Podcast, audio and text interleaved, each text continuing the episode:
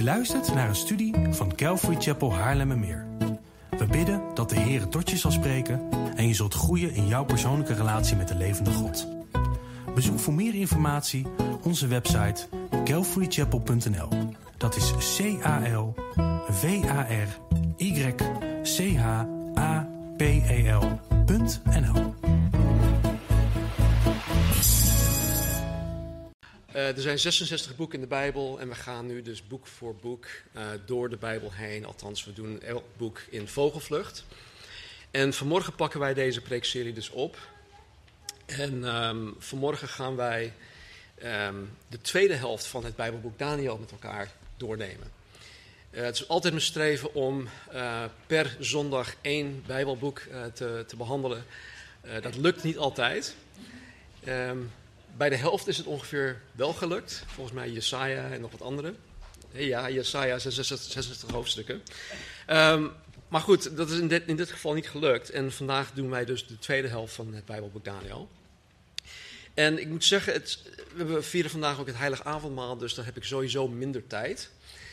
Um, dus het was nogal een uitdaging om uh, dit voor te bereiden. Uh, en ik moet bij voorbaat zeggen dat het vandaag vrij snel zal gaan. Uh, snel in de zin van, uh, jullie krijgen waarschijnlijk heel veel uh, informatie over je heen. Maar ik denk dat ja, de manier waarop we het vandaag gaan doen, is dat ik jullie grotendeels wat wegwijzers ga geven. Um, want ik ga niet echt op in alle details, dat, dat kan gewoon niet. maar ik wil je wegwijzers geven, zodat jullie Daniel zelf kunnen gaan bestuderen. En dan met die wegwijzers het, het hopelijk ook kunnen snappen. Uh, het eerste wat ik te horen kreeg uh, toen ik zei van ja, ik ga Daniel doen. Oh, dat is zo'n lastig boek en uh, noem maar op. Um, maar goed, het is, het is lastig. Maar met die wegwijzers is het hopelijk um, te, te, snappen. Dus dat is mijn, mijn doel.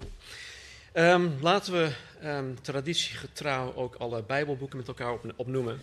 we zijn nu beland op de 27ste. Dat is Daniel.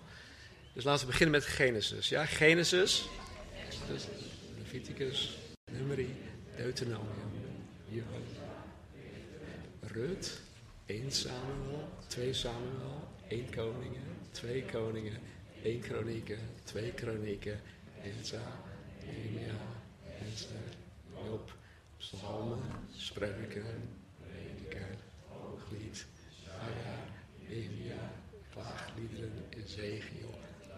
Wauw, geweldig. Ik ben echt trots op jullie. Super. Oké. Nou, voor jullie die dit niet weten, mijn excuses. Maar ik heb in deel 1, dus vorige week zondag, alle nodige achtergrondinformatie verstrekt. Onder andere door de slides die ik hier ook laat zien. Uh, dus ik zal er vandaag geen tijd aan besteden. En mocht je deel 1 ja, dan gemist hebben, jammer. Nee hoor. Um, dan, ik, ik, raad je het sterk aan om dat dan alsnog te, uh, te gaan uh, beluisteren of te zien. Uh, zien is beter, want dan zie je, krijg je ook meteen de, de, slides mee en dat is wel handig. Um, maar goed, Daniel bestaat in grote lijnen uit, uit, twee delen of twee genres. Hoofdstuk 1 tot en met 6. die zijn verhalend. Het is een vertelling van de verschillende gebeurtenissen in het leven van Daniel, in de bediening van Daniel. Um, en dit hebben wij dus afgelopen zondag uh, met elkaar doorgenomen. Hoofdstukken 7 tot en met 12 die zijn um, profetisch. En deze kijken naar wat er met de toen huidige en de daarop volgende wereldrijken zou gebeuren. Het Babylonische wereldrijk, uh, Medo-Persische uh, wereldrijk enzovoort enzovoort. En vandaag, dus anno 2022, zien wij dit gedeelte, wat wij grotendeels, uh, of het groot, uh, groot gedeelte daarvan, zien wij vanuit een historisch oogpunt. Dus wij zien het vanuit een achteruitkijkspiegel. Want dit speelde zich af van uh, eh, 605 voor Christus tot ongeveer 1453 na Christus, wat het einde van het Romeinse Rijk was. En deze hoofdstukken zijn dan ook nog eens niet alleen profetisch, maar ze zijn ook apocalyptisch omdat deze ook heel ver vooruitkijken, vooral voor toen naar wat er gebeuren zal na de opname van de gemeente. Wij zijn als gemeente, uh, dat heet um, pre-tribulationists, dus wij geloven dat de kerk opgenomen zal worden voordat de verdrukkingperiode aanbreekt. En we zijn ook premillennial, dus dat betekent dat uh, het, het millennium, het duizendjarig vrederijk, er nog aan zit te komen. Dus uh, in dat opzicht zijn wij ook um, um, dispensationalist. Wat is dat? Laat maar. Wij geloven daarin. Um, ja. Ja, de bedelingsleer, laat ik het zo zeggen. Um, dus deze zijn apocalyptisch. Ze kijken ver vooruit uh, tot na de opname, tot de dingen na de opname van uh, de gemeente. Uh, ze kijken naar de zevenjarige periode van de verdrukking en ook naar de wederkomst van Jezus Christus. Dus laten we onze Bijbels openslaan op Daniel hoofdstuk 7. Ik zal wat dingetjes ook laten zien wat ik voor ga lezen, mocht je je Bijbel niet bij je hebben of um, als het gewoon makkelijker is om mee te lezen. Nou, hoofdstuk, um, hoofdstuk, hoofdstukken sorry, 7 en 8, uh, die vinden chronologisch plaats voor hoofdstukken 5 en 6. Don't ask. Die vinden dus plaats voor hoofdstukken 5 en 6. En ik geef dit aan zodat je dus niet in de war raakt met die verschillende um, regeringsjaren van de verschillende koningen die daar genoemd worden. En mocht je echt een Bijbelgeek zijn, dan ga je naar die, naar die uh, namen kijken van verschillende koningen en dat soort dingen. En dan denk je ineens van, hé, hey, maar hoe kan dat nou? Die koning van hoofdstuk 7, die kwam eigenlijk in de tijdslijn voor hoofdstuk, hoofdstuk 5. Dus waar heb je het nu over, Stan? Uh, het is om die reden dat ik dit aangeef. Nou, in hoofdstuk 7 krijgt Daniel een droom. Waarin hij een, een, visioen, visioen krijgt, of visioenen krijgt. Um, hij krijgt dingen te zien. Uh, en het eerste wat hij te zien krijgt is um, een visioen van bizarre en angstaanjagende dieren of beesten. Er staat letterlijk beesten. En het zijn er vier in totaal. En deze vier beesten die vertegenwoordigen precies hetzelfde dat Nebukadnezar in zijn droom in hoofdstuk 2 had gezien. Ja, jullie hadden het laatst, uh, vorige week nog gezien, dat groot en stralend beeld. Ja, hoofd van goud en dan zilver en brons. Dus het groot stralend beeld um, dat Nebukadnezar had gezien, uh, dat komt overeen met deze vier dieren die Daniel nu ziet. En wat we hier in hoofdstuk 7 te zien krijgen, is vanuit Gods perspectief. Dus de visioen die, uh, het visioen die, die Daniel krijgt, dat is vanuit Gods oogpunt. Nebukadnezar Nezar zag de vier wereldrijken vanuit zijn perspectief. Hij zag het als iets moois, iets, iets prachtigs, iets imposant. Maar God zag deze vier wereldrijken als gruwelijke, onnatuurlijke beesten. En alles dat de mens in eigen kracht en ook voor zijn eigen roem maakt en bouwt, is voor de mens wel mooi, He, want de mensen die pronken daarmee. Kijk, kijk, kijk wat ik al heb gedaan. Kijk naar die mooie BMW in me, eh, op mijn oprijlaan. Ik heb niets tegen BMW's trouwens hoor. Dat is heel mooi. Nee, maar weet je, dus uh, alles dat de mens zijn eigen kracht of voor zijn eigen roem maakt of bouwt, is, is voor de mens gewoon heel mooi. Uh, het is mooi om te zien, het is goed om over te pronken.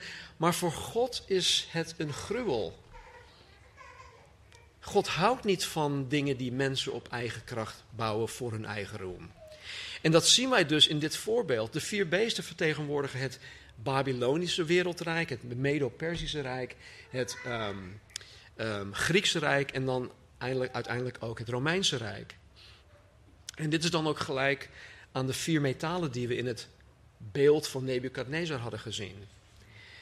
En de geschiedenis heeft dit allemaal trouwens eh, bevestigd. Het Eerste Rijk werd inderdaad opgevolgd door het volgende enzovoort enzovoort. Het staat zelfs op Wikipedia. Nou, alleen het Vijfde Rijk, dat vertegenwoordigd werd door uh, de voeten die van ijzer en klei gemaakt werden, is nu nog toekomstig. Want in Daniel 2 lezen wij dat het rijk van ijzer en klei door Jezus zelf vernietigd zal worden. En dat is nu nog toekomstig. Dit zal gebeuren bij zijn wederkomst na de verdrukking voor het millennium. Maar goed, Daniel zag dus vier beesten. Maar zijn aandacht ging vooral uit naar het vierde beest. Het vierde beest dat verschilde van al de dieren of beesten die ervoor geweest waren. En wat Daniel opviel was dat tussen de tien horens dat het dier had, hè, want dat vierde beest had tien horens, dat er een, een, kleine horen opkwam. En dat, dat trok zijn aandacht.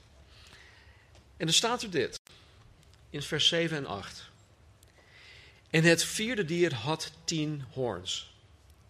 Terwijl ik op de hoorns bleef letten, zie een andere kleine hoorn rees daartussenop.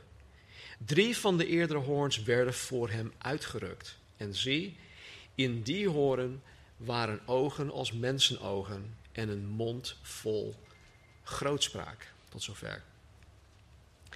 Nou, vervolgens staat er in vers 11 dat dit dier gedood werd in en, en het werd in het laaiend vuur geworpen. Ook staat er dat de zoon des mensen, oftewel de mensenzoon wat hier staat, Jezus Christus, de zoon des mensen, de mensenzoon, dat duidt op Jezus Christus, dat hij zijn koninkrijk op dat moment zal gaan vestigen. En dan staat er dat door wat hij in dat visioen zag, Daniel er helemaal van ondersteboven was. En hij vroeg aan iemand die hij in het visioen zag om het aan hem uit te leggen. Hij had zoiets van: ik, ik snap dit niet, leg het me alsjeblieft uit. En dan staat er dit in vers 17 en 18. Die grote dieren, die vier in getal zijn, zijn vier koningen, die uit de aarde zullen opstaan. De heiligen van de Allerhoogste zullen echter het koningschap ontvangen.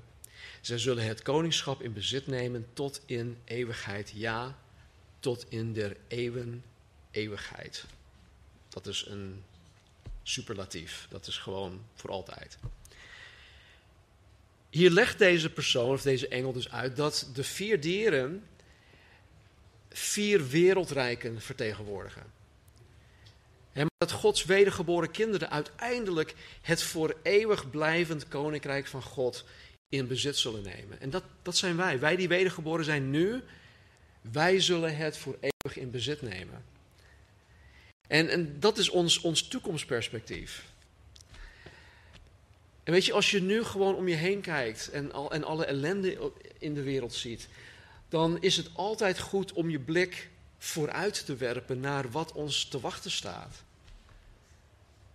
Want dat is onze hoop. Dat geeft mij elke dag opnieuw hoop. Oh, weet je, Nederlanders, West-Europeanen, ehm, elk jaar, en misschien niet in de afgelopen twee jaar, maar daarvoor elk jaar, hebben het over vakantie. je gaat naar verjaardagsfeestjes. Oh, waar ga je dit jaar naartoe? Wat ga je dan doen? En elk jaar wordt er zo uitgekeken naar vakantie. En vakantie is goed. En het geeft je iets om op vooruit te kijken.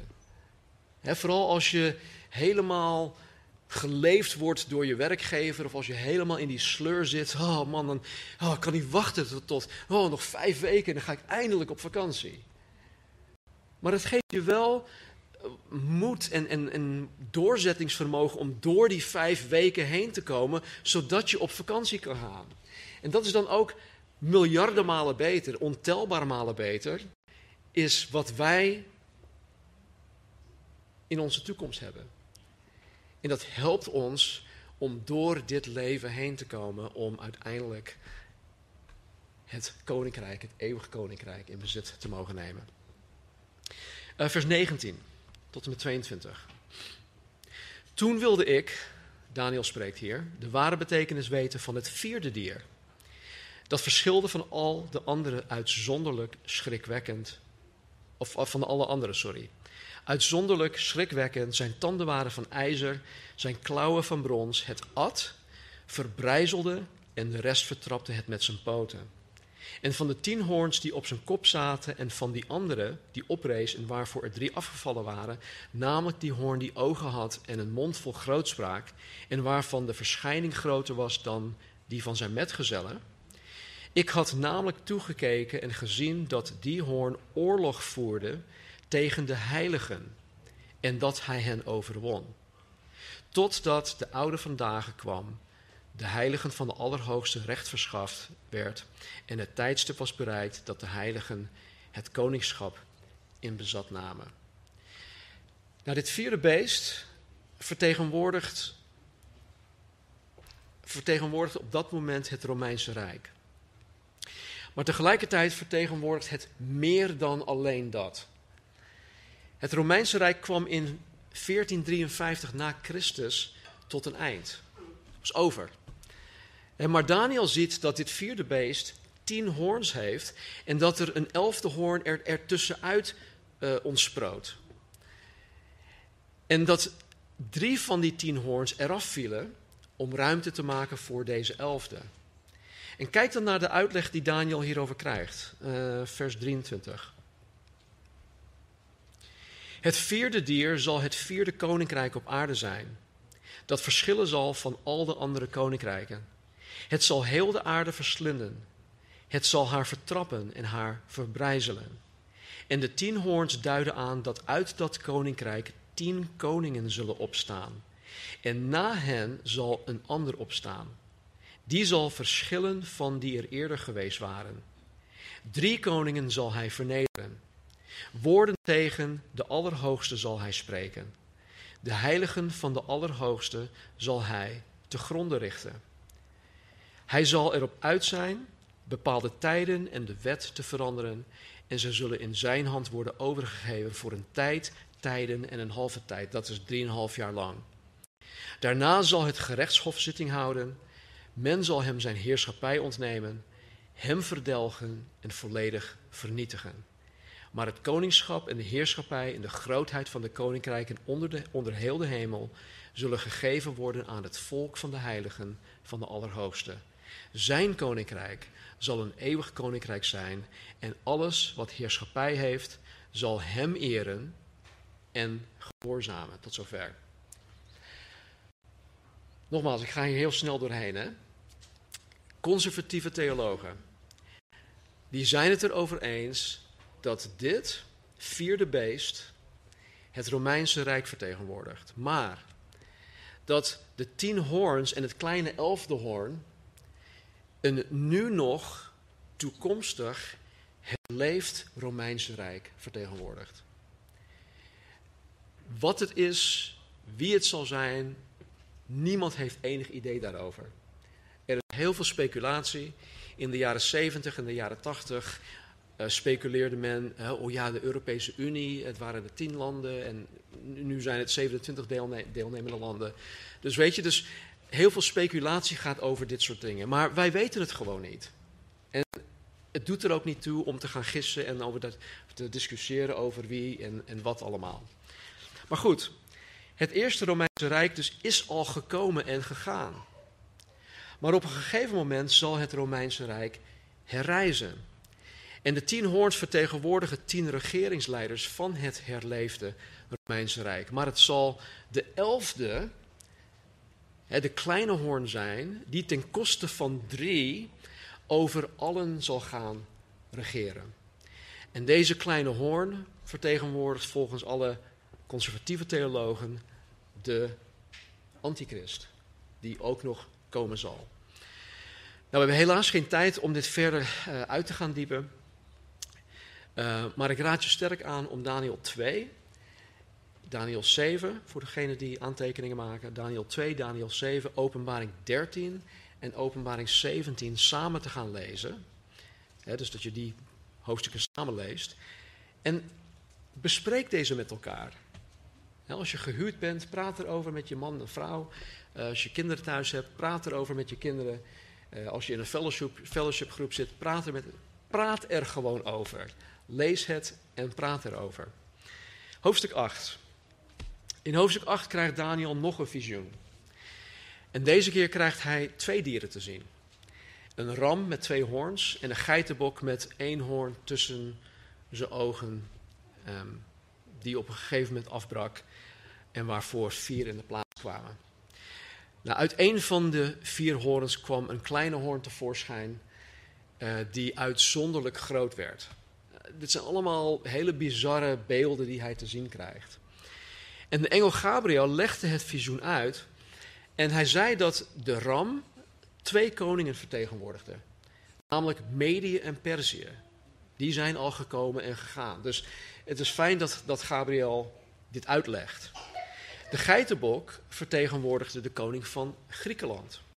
En de grote hoorn tussen zijn ogen was de eerste koning, en dat was vanuit historisch aspect, oogpunt um, Alexander de Grote. Hij stierf op 32-jarige leeftijd en dit werd dan afgebeeld door die ene hoorn tussen de ogen die afbrak. En dan komen de vier horens daarvoor in de plaats. En deze vier horens die in de plaats kwamen van die ene hoorn die afbrak, vertegenwoordigden de vier opvolgers van Alexander de Grote.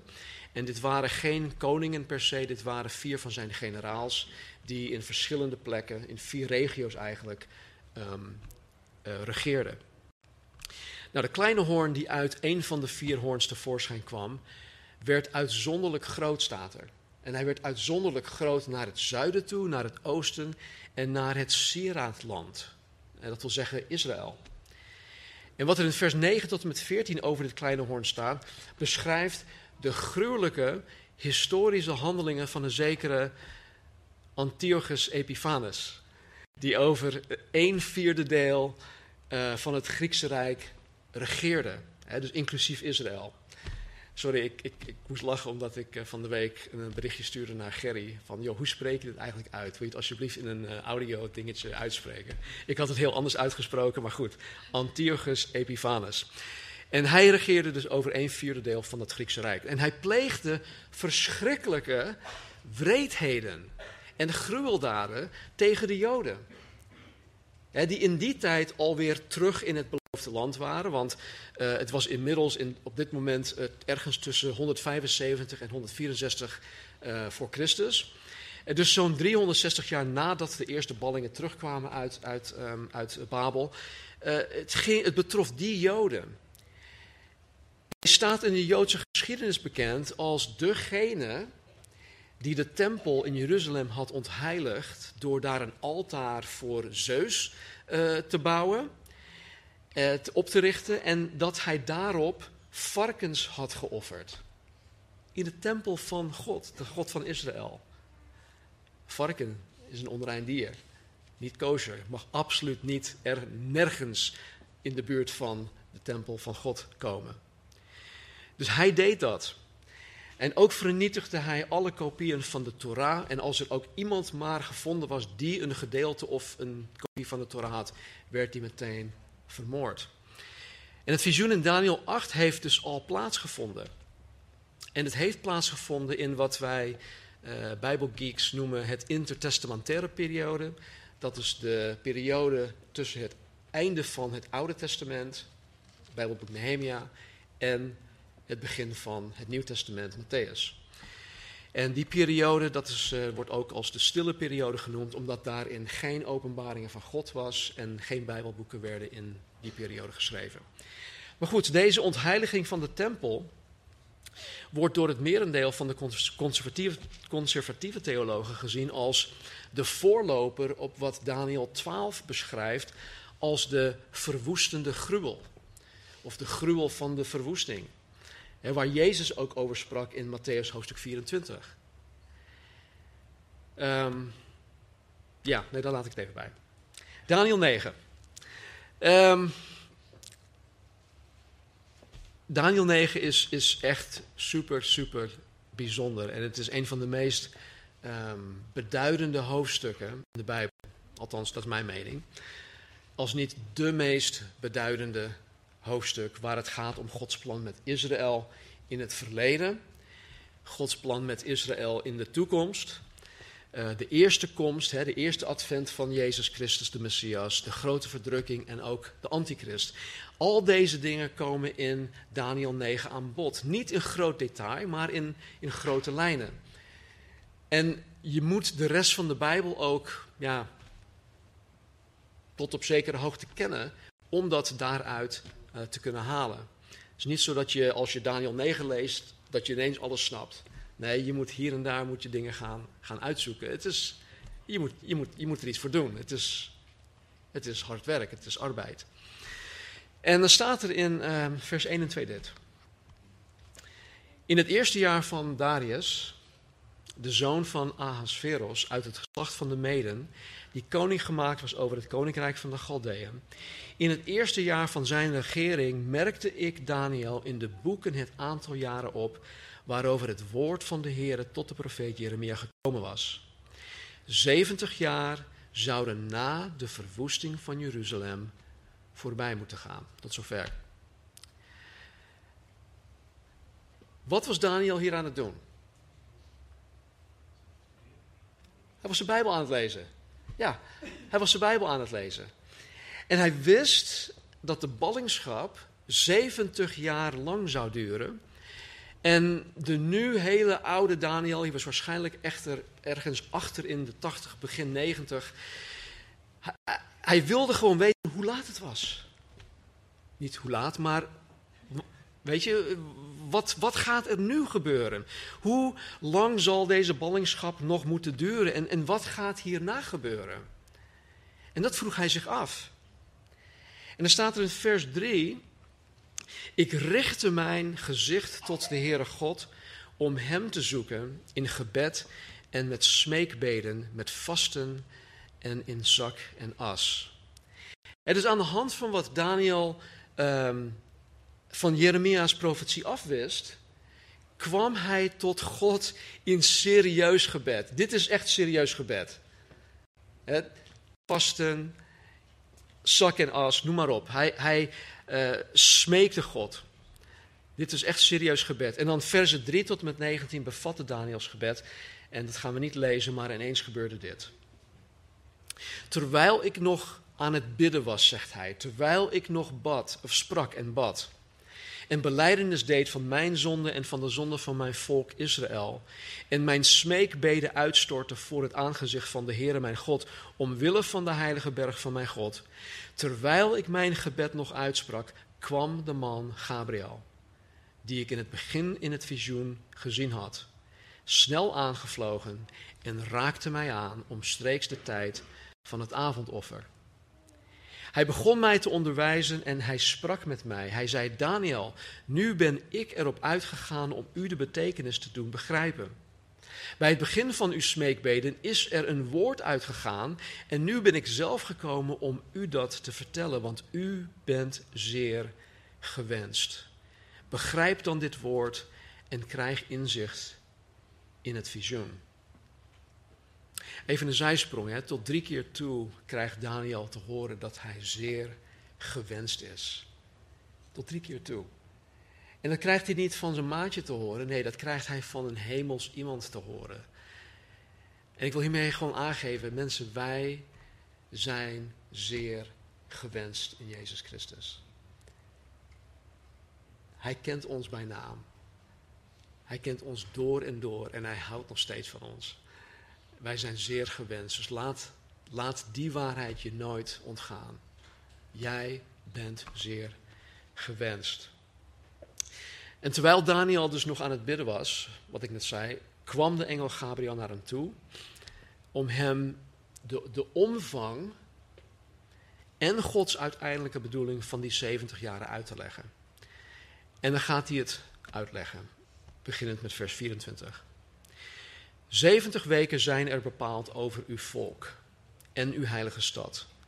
Om de overtreding te beëindigen, de zonden te verzegelen, de ongerechtigheid te verzoenen, om een eeuwige gerechtigheid tot stand te brengen, om visioenen en profeet te verzegelen en om de heiligheid van heiligheden te zalven.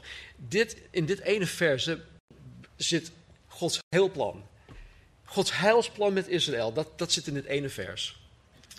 Vers 25. U moet weten en begrijpen vanaf de tijd dat het woord uitgaat om te laten terugkeren en om Jeruzalem te herbouwen tot op Messias de vorst, verstrijken er zeven weken en 62 weken. Plein en gracht zullen opnieuw gebouwd worden, maar wel in benauwde tijden. Na de 62 weken zal de Messias uitgeroeid worden, maar het zal niet voor hemzelf zijn. Een volk van een vorst. Even kijken, een volk van een vorst. Een, ja, er staat hier een volk dat komen zal. In, in de herziende statenvertaling is dat toegevoegd. Maar een volk van een vorst dat komen zal. de vorst die komen zal, zal de stad en het heiligdom te gronden richten. Het einde ervan zal zijn in de overstromende vloed, tot en tot het einde toe zal er oorlog zijn, verwoestingen waartoe vastbesloten is. Hij zal voor velen het verbond versterken, oftewel hij zal een verbond aangaan, één week lang, halverwege de week zal hij slachtoffer en graanoffer doen ophouden. Tot zover. Nou, omwille van de tijd ga ik hier ehm, snel doorheen. Uh, ik heb een meer uitgebreide studie, denk ik, gedaan ergens in 2011 of 12. En um, ik weet het niet voor 100%, 100% zeker of die er wel of niet staat. Maar als je op onze website zoekt op uh, eh, 70 weken en dan waarschijnlijk het getal 70, dus 7-0 weken van Daniel, dan kom je er waarschijnlijk op. Um, maar goed, nu in vogelvlucht. In vers 24 heeft Gabriel het over 70 weken. En met 70 bedoelt Gabriel gewoon 70, hè, zoals wij dat kennen. Maar met weken bedoelt hij niet de weken van zeven, zeven dagen die wij kennen. In de grondtekst staat er gewoon het woord zeven. In plaats van de Nederlandse vertaling weken. Er staat gewoon zeven of zevens. En hier betekent één week een periode van zeven jaar. Het gaat Gabriel dus om 70 perioden van 70 jaar. Dus al met al 490 jaar. Israël, als je de geschiedenis kent en leest, heeft in 490 jaar tijd meerdere geboden van God genegeerd. Daarom zaten ze op dat moment in ballingschap. Dat was hun straf daarvoor. ze, zaten, ze hadden dus meerdere geboden van God genegeerd, waarvan één zo'n gebod was om het land zes jaar achter elkaar te verbouwen. En dan moesten zij het land voor één jaar lang rust geven. Het was een sabbatsjaar. Dus ze mochten alles met dat land doen, verbouwen, verdienen, noem maar op. Maar het zevende jaar moest een rustjaar zijn voor het land. Maar goed, zij hebben dat dus niet gedaan. Ze hebben voor 490 jaar lang hebben ze dat gewoon nagelaten. En dit ondanks dat God tegen hun had gezegd: het zesde jaar zal je drie keer zoveel van mij krijgen, zodat je in het zevende jaar nog te, te, te, eten hebt. En ook nog eens in het achtste jaar, want in het achtste jaar moet je opnieuw gaan ploegen en zaaien. En dus God heeft echt voor alles gezorgd. En toch, vanuit hun, hun hebzucht waarschijnlijk, hebben ze alsnog dus het zevende jaar voor 490 jaar lang gewoon genegeerd. En vandaar dat hun ballingschap dus ook 70 jaar lang duurde. Maar in Daniel krijgt hij inzage tot de gehele toekomst van Israël. tot aan de wederkomst van Jezus Christus, wanneer hij zijn duizendjarig rijk op aarde vestigt. Daniel krijgt Gods totale plan met Israël te zien. Inclusief, en dit is belangrijk, Gods oordeel en de straf die Israël toekwam, die nog lang niet vervuld was tijdens de ballingschap van 70 jaar lang. Kasper die gaat uh, volgende week of aanstaande zondag gaat beginnen met uh, Romeinen hoofdstuk 9 tot en met 11. Daarin staat ook dat God Israël als het ware, even mijn vrije vertaling, op de plank heeft gezet. Zodat de heidenen tot geloof zouden gaan komen. En door het geloof van de heidenen uh, Israël jaloers zou maken. op op de heidenen, omdat wij hun Messias kennen. Maar er staat ook dat God nog lang niet klaar is met Israël. En dat gaan wij dus hier in dit, dit gedeelte zien. Dus de, de, de 70 weken, oftewel die 490 jaar, behelst de periode vanaf het moment dat Nehemia van koning Artasasta toestemming kreeg om naar Jeruzalem toe te gaan om het te herbouwen. Ik weet niet of jullie dat nog herinneren. In Nehemia kreeg hij op een gegeven moment toegang. Hij kreeg um, audiëntie bij de koning. En hij zag er uh, ja, een beetje depri uit. En de, de, de koning vroeg, wat is er aan de hand? En hij wist niet wat hij moest zeggen, dus hij bad, oh Heer, help me alsjeblieft. En toen begon hij te vertellen. En de koning gaf hem op dat moment, in Nehemia hoofdstuk 2, toestemming en zelfs de opdracht om terug te keren naar Jeruzalem, om daar de boel te herbouwen. En het is dat moment dat echt belangrijk is. Dat is echt een, ja, een um, watershed. Nee, het is een, uh, Het is een keerpunt, ja, in de, in de historie, in de geschiedenis. Dus vanaf dat moment tot aan de eerste komst van Jezus. Dat is die 490 jaar waar we het over hebben. Nou, in vers 25 heeft Gabriel het over het toen nog toekomstig bevel van deze koning Artashasta. En um, wat, we net, wat ik net zei, dit is in Nehemia 2 te lezen en dat vond plaats. Dit is heel interessant. Het bevel van deze koning Artashasta om terug te gaan naar, um, naar Jeruzalem, wat hij aan, aan Nehemia gaf, dat vond plaats op 14 maart 445 voor Christus. 14 maart 445 voor Christus. Dus zo'n 90 jaar later, 90 jaar na deze profetie die Daniel kreeg. En hij heeft het in vers 25 dus ook over de Messias, de vorst en zijn komst. En dan zegt hij iets dat heel, heel moeilijk te volgen is. Nog moeilijker dan tot nu toe. Even hoor.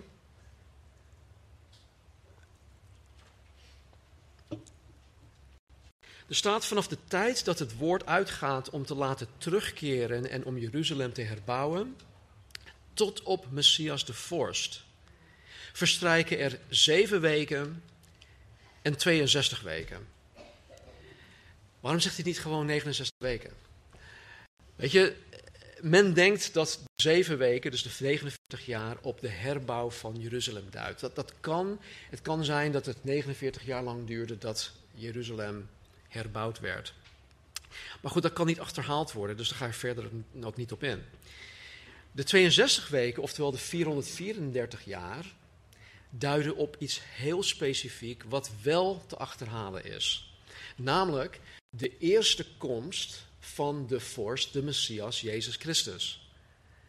Wij zien dat nu in onze achteruitspiegel.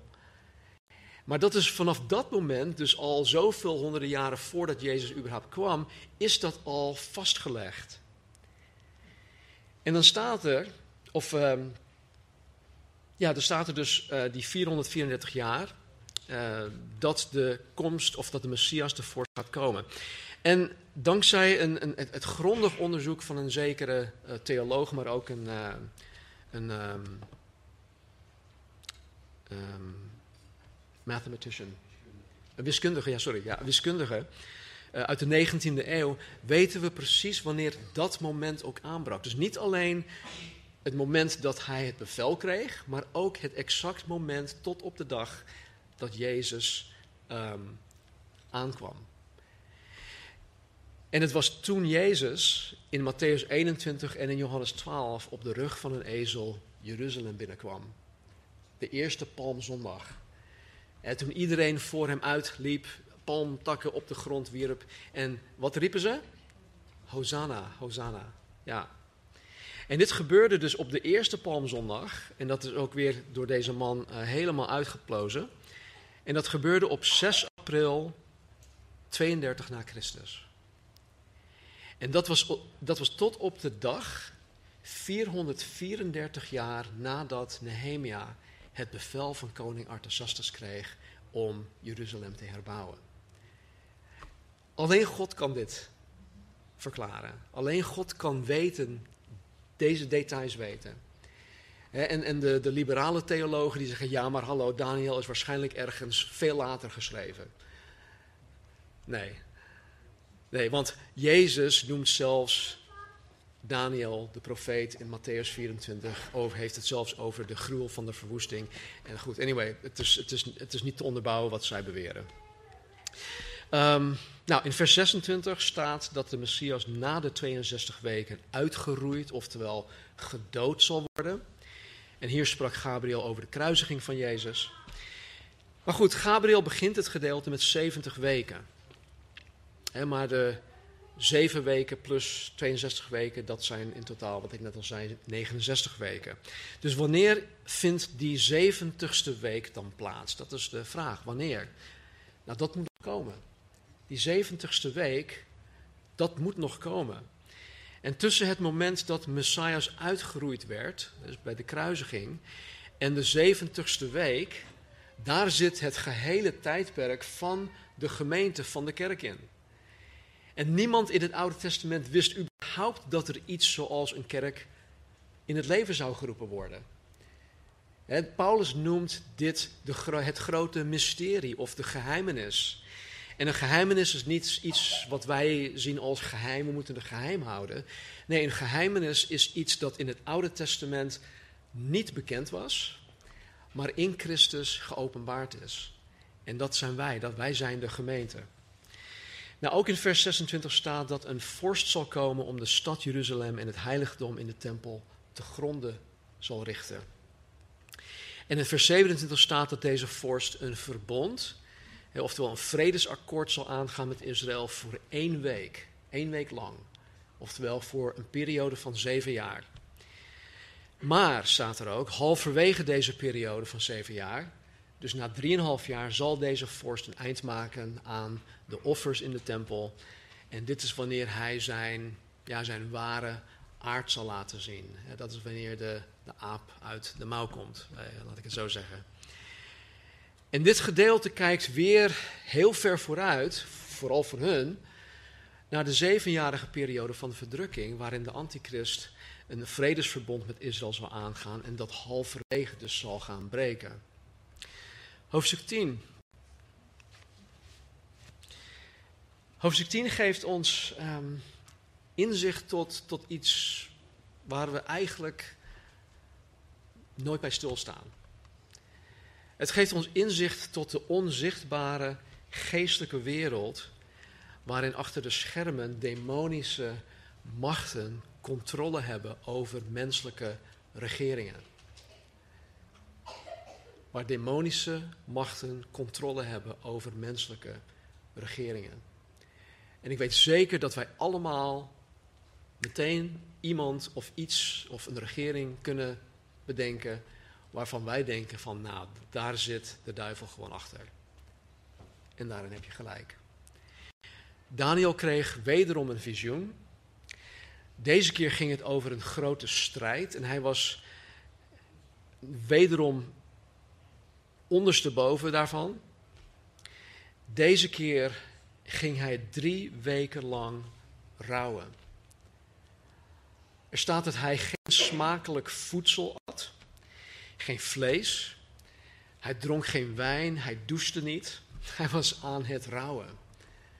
Het was echt een, hij, hij zat echt in een dip op dit moment.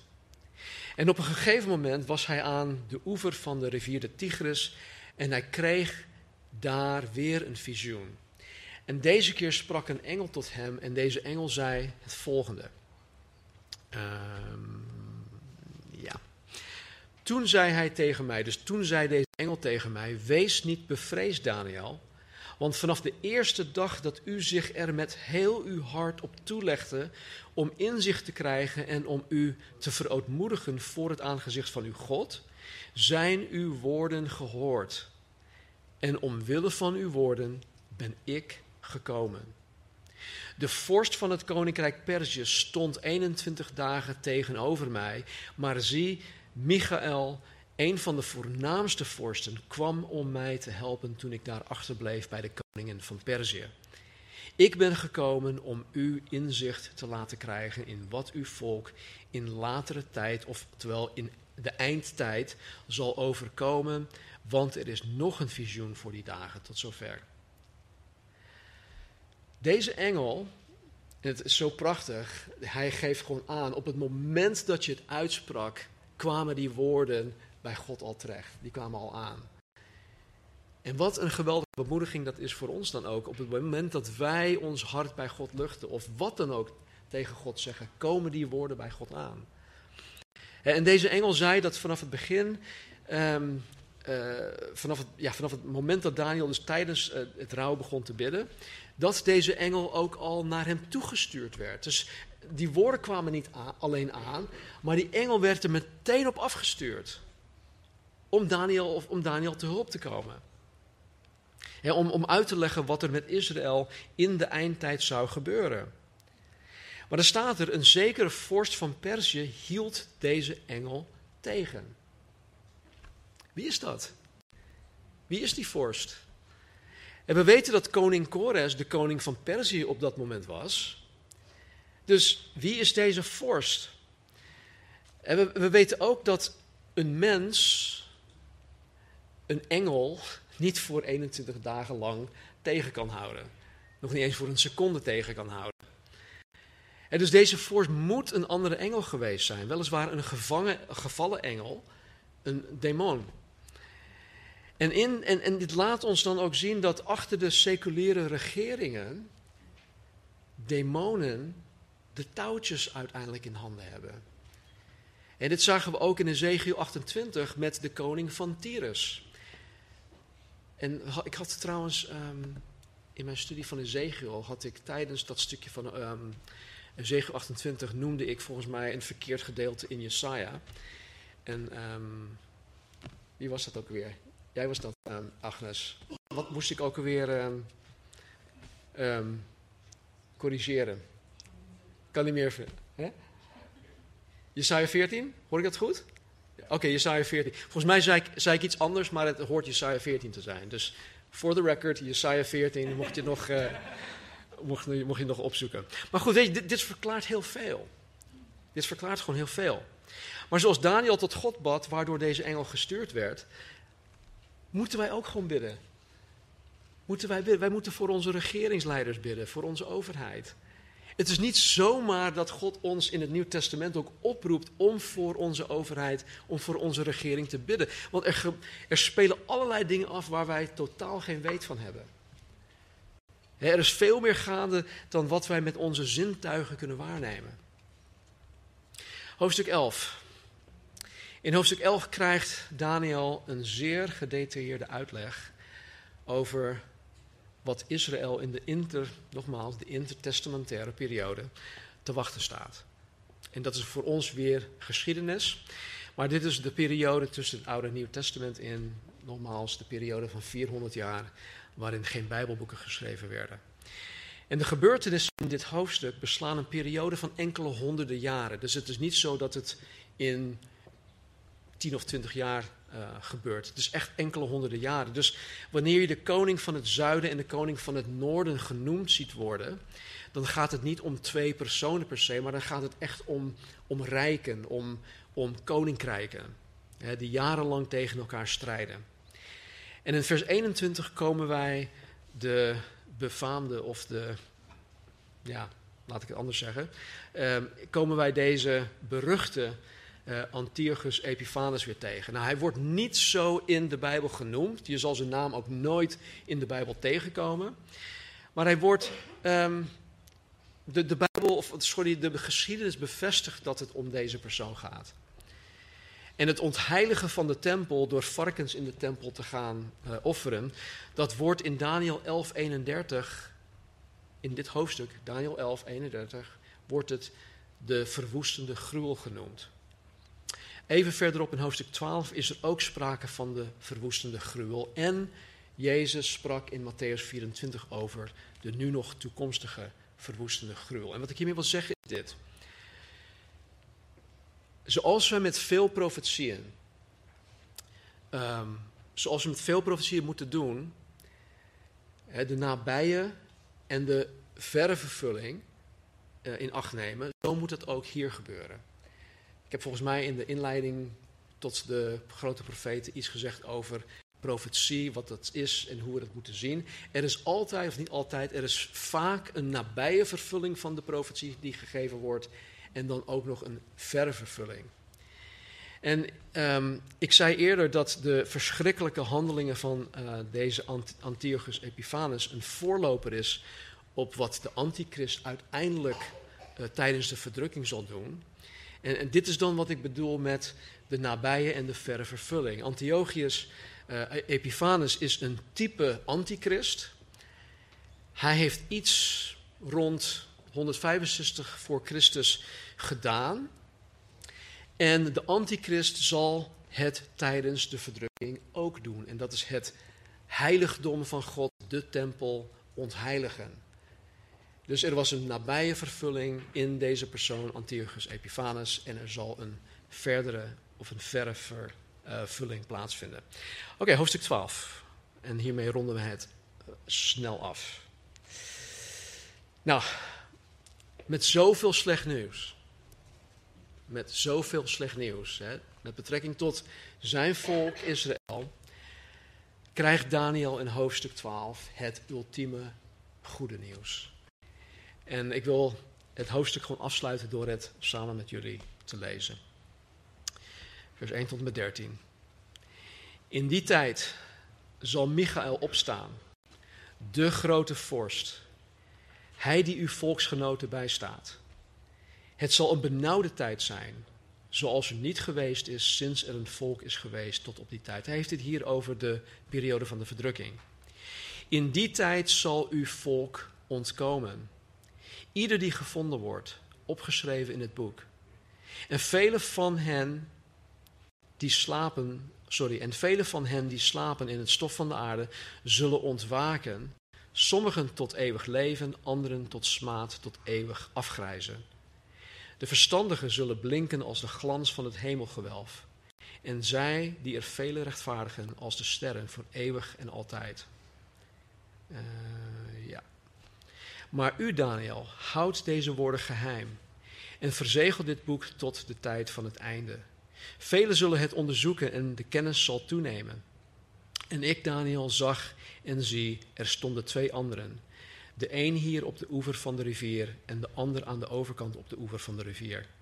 De een zei tegen de man, gekleed in linnen, die zich boven het water van de rivier bevond: Hoe lang duurt het voordat een einde komt aan deze wonderlijke, wonderlijke, wonderlijke sorry, dingen? Toen hoorde ik de man gekleed in linnen die zich boven het water van de rivier bevond. En hij hief zijn rechter en zijn linkerhand op naar de hemel. En zwoer bij hem die eeuwig leeft, na een vastgestelde tijd, vastgestelde tijden en een helft. Wanneer hij er een einde aan gemaakt zal hebben om de macht van het heilige volk stuk te slaan, zal er aan al deze dingen een einde komen. Ik echter, ik hoorde het wel, maar ik begreep het niet. En ik zei, mijn heren, wat zal het einde hiervan zijn? Toen zei hij, ga heen Daniel, want deze woorden blijven geheim en verzegeld tot de tijd van het einde. Velen zullen gereinigd, zuiver, wit gemaakt en gelouterd worden. De goddelozen echter zullen goddeloos handelen en geen enkele van de goddelozen zal het begrijpen, maar de verstandigen zullen het begrijpen. Van de tijd af dat het steeds terugkerende offer weggenomen zal worden en de verwoestende gruwel opgesteld zal zijn, zijn het 1290 dagen. Welzalig is hij die blijft verwachten en 1335 dagen bereikt. Maar u, ga heen tot het einde, want u zult rusten en u zult opstaan in uw bestemming aan het einde van de dagen. Wauw. Wat een belofte. Ik ga hier niet op in, maar uh, er worden twee getallen genoemd: 1290 dagen en 1335 dagen. Dat zijn 75 dagen die niet, um, ja, die niet, uh, daar, waar geen duidelijkheid over is. Er zijn verschillende theorieën daarover. Misschien als je daar vragen over hebt, kan je na, na de dienst uh, mij hierover vragen. Um, maar de vraag is: oké, waarom um, zegt hij eerst 1260 dagen, dus de helft van de zeven jaar. Uh, Johannes heeft het ook over 1260 eh, dagen. En ineens gooit um, Daniel roet in het eten en hij heeft het over 1200 of 1290 dagen. Als je daar vragen over hebt, kan je me na de preek aanspreken. Nou kijk, dit is ook de eerste en de enige keer dat de opstanding tot eeuwig leven in het Oude Testament voorkomt. En dit is zo bijzonder, want Daniel krijgt dit als enige te horen. En dan krijgt hij ook nog eens de belofte dat hij op een gegeven moment op zal staan. Dat hij voor eeuwig zal leven. En wat een, ja, wat een geruststelling was dit dan voor Daniel. En God zal Israël niet oneindig blijven straffen. En zijn plan met Israël staat vast. En God zal zijn plan met Israël tijdens de verdrukking, tijdens de zeventigste week, hervatten en hij zal het ook voltrekken. En dit is het goede nieuws voor Daniel. En het is ook goed nieuws voor ons, want Jezus zal uiteindelijk in alle gerechtigheid gaan regeren. dan is er geen sprake meer van demonische vorsten die achter de regeringen schuilen, die de touwtjes in handen hebben. Nee, Jezus Christus, de koning der koningen, de Heere der heren, hij en hij alleen, samen met ons, zal in alle gerechtigheid voor duizend jaar lang hier op aarde regeren. En vervolgens zal de nieuwe hemel en de nieuwe aarde komen. En dat is nu nog in de verre toekomst. Maar goed, de meest belangrijke vraag is: zal jij deel uitmaken van zijn voor eeuwig blijvend koninkrijk? Of zal je samen met de onrechtvaardige machten voor eeuwig vergaan? De belangrijkste vraag in je leven. Laten we bidden. Hemelse Vader, dank u wel voor uw goedheid, uw trouw. Dank u wel dat u Daniel waardig hebt geacht en dat u tot driemaal toe hebt, tegen hem hebt gezegd dat hij zeer gewenst is. En Heer, dank u wel dat wij in Christus ook zeer gewenst zijn. En Heer, dat er ook niets is wat wij kunnen doen of laten om ineens niet zeer gewenst meer te zijn. Dank u wel, Heer, voor uw vastberadenheid om ons onvoorwaardelijk lief te hebben tot aan het einde toe. En dank u wel, Heer, dat wij een glorieuze toekomst hebben. Dank u wel dat wij die wedergeboren zijn door ons geloof in Jezus Christus aan het kruis, door zijn volbracht offer aan het kruis, door de opstanding uit de dood. Heer, dat wij het eeuwig leven hebben. Dat wij dat nu al hebben, Heer, want het is nu al een kwaliteit van leven die de nog niet gelovige persoon of mens totaal niet um, ja, kan bevatten. Dus Heer, dank u wel dat wij gemeenschap met u hebben, gemeenschap met elkaar, door het bloed van Jezus Christus. Dank u wel dat wij door u gered zijn en dat uw redding voor eeuwig geldt. Heer, dank u wel dat wij te allen tijden bij u mogen komen. Dank u wel dat wij te allen tijden onze harten bij u mogen luchten.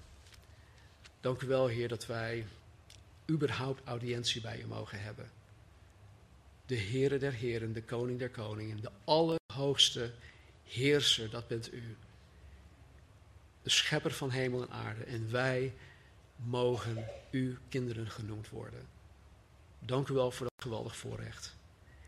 En Heer, wanneer we zometeen het heilig avondmaal vieren, help ons om stil te staan, Heer, bij het feit dat Jezus Christus in onze plaats onze doodstraf op, hem heeft, op zich heeft genomen. En Heer, dat Hij voor al onze zonden aan het kruis is gegaan. De zonden uit ons verleden, het heden en in de toekomst.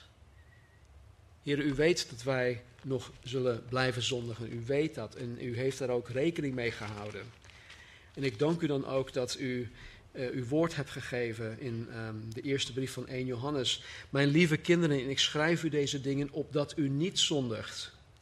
U wil niet dat wij zondigen. En als iemand gezondigd heeft, wij hebben een voorspraak bij de Vader, Jezus Christus, de rechtvaardige. Dank u wel, Heer, dat Jezus, dat u voor ons pleit.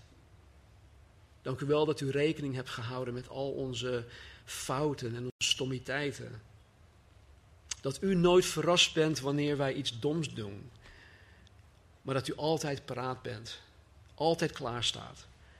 Om ons bij de hand te nemen, om ons af te stoffen en te zeggen: Kom, we gaan verder. Dank u voor uw liefde, uw trouw. U bent onze liefdevolle Abba, onze liefdevolle Vader. Help ons u steeds beter te leren kennen. In Jezus' naam. Amen. Wij uh, gaan zo meteen het uh, heilige avondmaal nuttigen. En ik wil daarvoor een stukje uit uh, eh, 1 Korinthe voorlezen.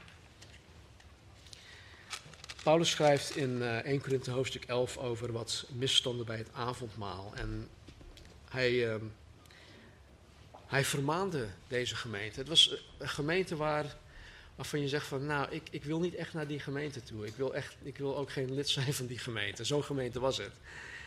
En wat zij deden, ze hadden dan een, een potluck, zeg maar.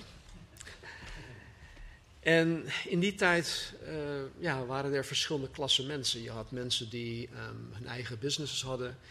En die konden bij wijze van spreken om drie uur s middags op, op een vrijdagmiddag al naar die potluck toe gaan.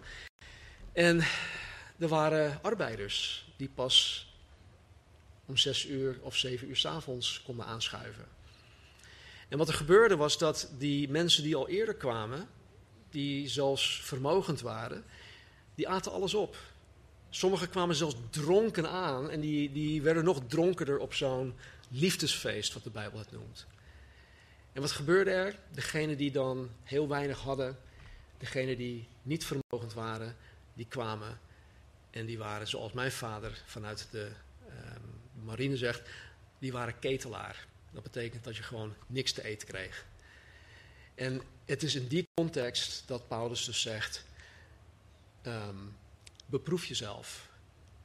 Houd jij wel rekening met het lichaam van Christus? Ben jij wel die liefdevolle christen die je beweert te zijn? Houd je wel rekening met de ander? Ben je wel gericht op de ander? Of ben je egoïstisch en, alleen maar, en je denkt alleen maar aan jezelf? Dus laten we lezen. Hij zegt, ik heb van de Heere ontvangen wat ik, ook, wat ik u ook heb overgeleverd. Dat de Heer Jezus in de nacht waarin hij werd verraden brood nam. En nadat hij gedankt had, brak hij het en zei, neem, eet, dit is mijn lichaam dat, u, dat voor u gebroken wordt. Doe dat tot mijn gedachtenis. Evenzo nam hij ook de drinkbeker na het gebruiken van de maaltijd en zei, deze drinkbeker is het nieuwe verbond in mijn bloed. Doe dat zo dikwijls als u die drinkt tot mijn gedachtenis. Want zo dikwijls als u dit brood eet en deze drinkbeker drinkt, verkondigt de dood van de Heer totdat hij komt. Daarom, wie op onwaardige wijze dit brood eet of de drinkbeker van de Heer drinkt, is schuldig aan het lichaam en het bloed van de Heer. Maar laat ieder mens zichzelf beproeven en laat hij zo eten van het brood en drinken uit de drinkbeker. Want wie op onwaardige wijze eet en drinkt, die eet en drinkt zichzelf een oordeel, omdat hij het lichaam van de Heer niet onderscheidt. Kijk, geen van ons, hè, even voor de duidelijkheid, geen van ons is waardig om hier aan deel te nemen. Het is alleen door de genade van God dat wij überhaupt een christen mogen zijn en dat wij dit mogen herdenken.